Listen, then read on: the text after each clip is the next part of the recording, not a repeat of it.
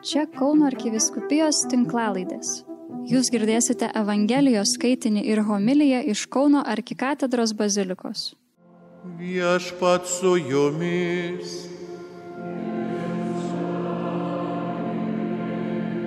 Pasiklausykite šventosios Evangelijos pagal Luką.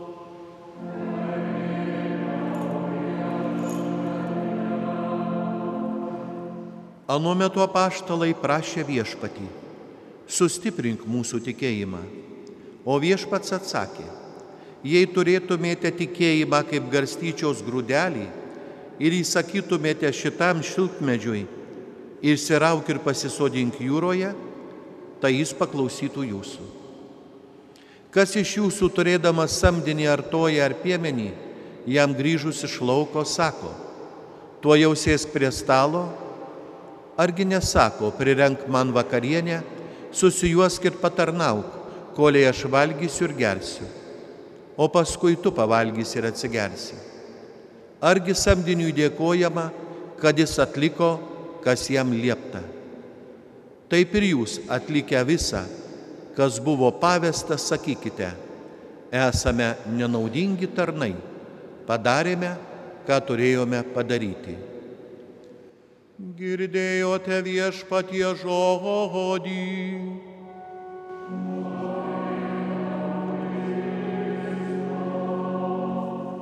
Mėly tikintieji, šiandien liturgija mus kviečia atsakyti į fundamentalų klausimą. Ar mūsų tikėjimas yra gyvas?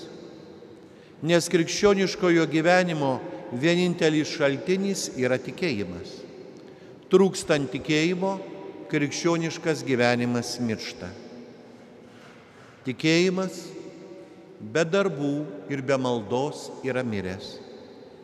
Dažnai tenka girdėti sakant, argi svarbu tikėti ar netikėti. Užtenka būti taurių, garbingų, žodžio besilaikančių žmogumi. Į tai vienas prancūzų rašytojas atsakė, žinoma, to užtenka, kad išvengtų mirties bausmės ar kalėjimo. Bet neužtenka dangaus karalystėje pasiekti. Labai dažnai tie, kurie nėra ištikimi savo religinėms pareigoms, kurie negyvena tikėjimu, teisinasi. Aš esu tikintis, bet nepraktikuojantis. Į tai galima sarkastiškai atsakyti. Yra tokių, kurie sakytų, aš esu vegetaras, bet nepraktikuojantis. Tad toks atsakymas apie tikėjimą išduoda asmenį, kurio tikėjimas yra labai neaiškus. Paprašius labiau paaiškinti savo tikėjimą, žmogus kažką neaiškiai sako, jog anapus kažkas turėtų būti, ką reikia tikėti, kažkokią energiją, kažkokia didžioji išmintis, nedrįsta pasakyti, kad mes tikime į antgamtinį Dievą. Tokie paaiškinimai neturi nieko bendra su krikščionybė. Mes krikščionys tikime ne kažkokiomis už mus aukštesnėmis energijomis, bet gyvuoju Dievu, jo sūnumi Jėzumi Kristumi ir šventąją dvasę. Kartais mumyse atsiranda iliuzija, jog mes turime tikėjimą, jeigu esame ištikimi religiniai praktikai, dalyvaujame apieigose. Tačiau, mėly tikintieji, krikščioniškas tikėjimas yra visiškai kitas dalykas. Tai asmeniškas susitikimas su Kristumi. Tikėjimas tai ne tik priimti tiesą, kad Dievas yra. Tai tikrai nėra sudėtinga bet tikėjimas tai santykis su Dievu, tai pasitikėjimas Dievu. Tikėti tai liautis pasitikėti pačiu savimi ir leisti Dievui veikti mumyse. Tuomet užteks garstyčiaus grūdelio dydžio tikėjimo, nes su mumis bus visagalys Dievas.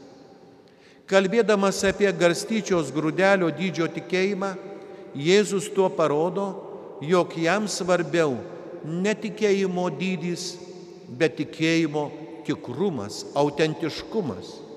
O tikrojo tikėjimo požiūris tai visiškas pasitikėjimas Dievu. Nes tas, kas pasitikė viešpačiu, tas leidžia jam veikti per save. Jėzus iš mokinių troško visiško pasitikėjimo, kuris leistų veikti viešpaties visagalybei. Nėra bejonės, kad tikėjimas, kaip ir kiekviena kita darybė, gali būti mažas ar didelis. Pats išganytojas vienus gyrė už jų didelį tikėjimą, kitus peikė už mažą. Štai moteriai kananietiai prašant Jėzų išgydyti jos dukrą, Jėzus pagiria jos tikėjimą, sakydamas, o moterie, didis tavo tikėjimas, tebūnie tau kaip prašai. Didelis tikėjimas buvo ir romėnų šimtininko, kuris atėjo paprašyti išganytoje per atstumą, žodžiu pagydyti jo tarną. Išganytojas pagyrė jo tikėjimą sakydamas, iš tiesų sakau jums, niekur Izraelyje neradau tokio tikėjimo. Priešingai, apaštalų tikėjimas dažnai buvo peikiamas. Kai jie, pavyzdžiui, išsigando audros užklupti ežere ir manė, kad jau žūva, nors Jėzus buvo su jais. Kristus išpeikė jų tikėjimą sakydamas, ko jūs tokie bailūs mažatikiai. Todėl apaštalai suprato ir paprašė viešpatį, sustiprink mūsų tikėjimą.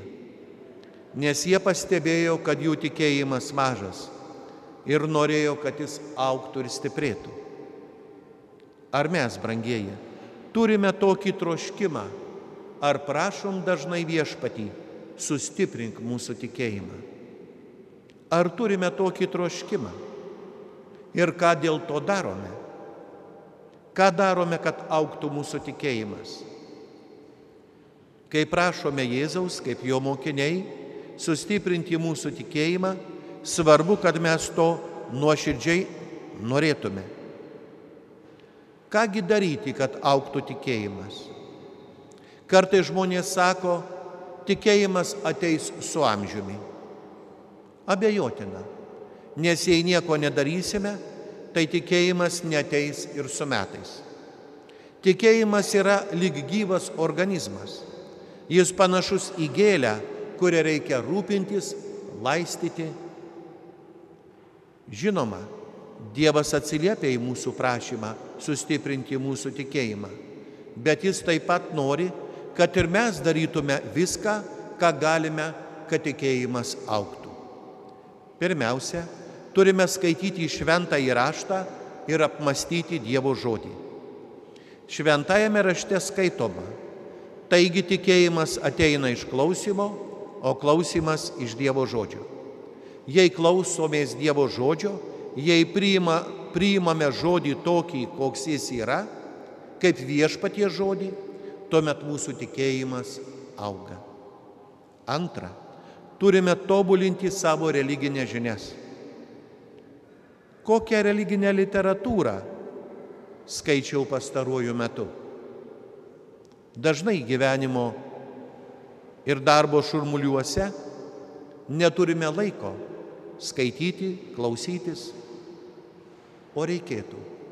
Negali būti mūsų tikėjimas dar silpnesnis ir žiniomis dar skurdesnis nei vaikų, kurie ruošiasi pirmajai komunijai. Tikėjimas yra meilė Dievui. Sunku mylėti žmogų, kurio nepažįstame. Kuo daugiau skaitome religinę literatūrą, kuo daugiau klausomės ir studijuojame, tuo geriau pažįstame Dievą, savo tikėjimą, religiją, taigi daugiau ir giliau tikime. Trečia, žmogus ugdo tikėjimą kiekvieną sekmadienį ateidamas į šventasias mišes. Bent jau daro viską, kad juose būtų.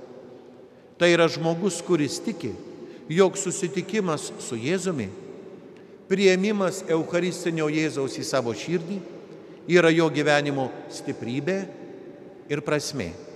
O šventosios mišios aukščiausias krikščionių kultas viešpačiui. Ketvirta. Tai žmogus, kuris dažnai eina iš pažinties, išpažįsta nuodėmės. Galbūt kiekvieną mėnesį. Suprasdamas, kad yra silpnas ir nuodėmingas, o jo stiprybės šaltinis yra viešpatyje.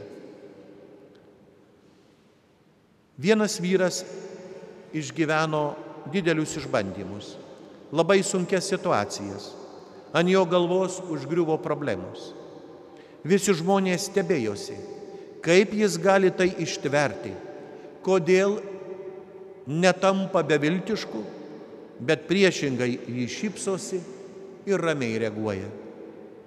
Žmogus atsakė, nes aš tikiu, tikiu Dievu, kad jei jis leidžia tai įvykti, jis žino, kodėl tai daro ir man viskas išeis į gerą. Štai kas yra pasitikėjimas viešpačiu. Kartą lietingą tamsią dieną anglų rašytojas Arčibaldas Kroninas atėjo į vieną bažnyčią Austrijos sostinėje Vienoje. Ten jis pamatė žmogų, kuris nešė ant rankų paralyžiuotą vaiką. Prisertinės prie Marijos altoriaus, žmogus uždegė žvakę ir iškėlęs kūdikį link degančios žvakės truputį pasimeldė. Rašytojas Kroninas labai nustebęs priejo prie vyro ir pasidomėjo, ką visa tai reiškia. Vyriškis atsakė, aš čia ateinu kiekvieną dieną, kad tikėjimas niekada neužgestų mūsų širdyse.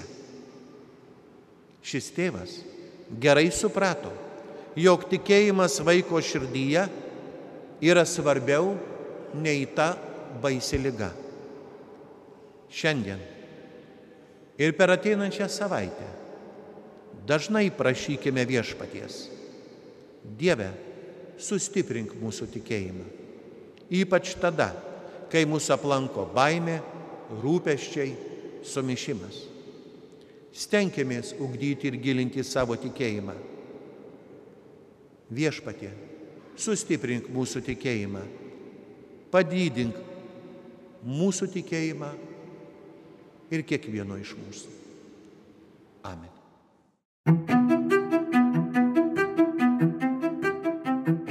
Jūs girdėjote Evangelijos skaitinį ir homiliją iš Kauno arkikatedros bazilikos. Čia Kauno arkiviskupijos tinklalaidės. Sekite mus ir prenumeruokite.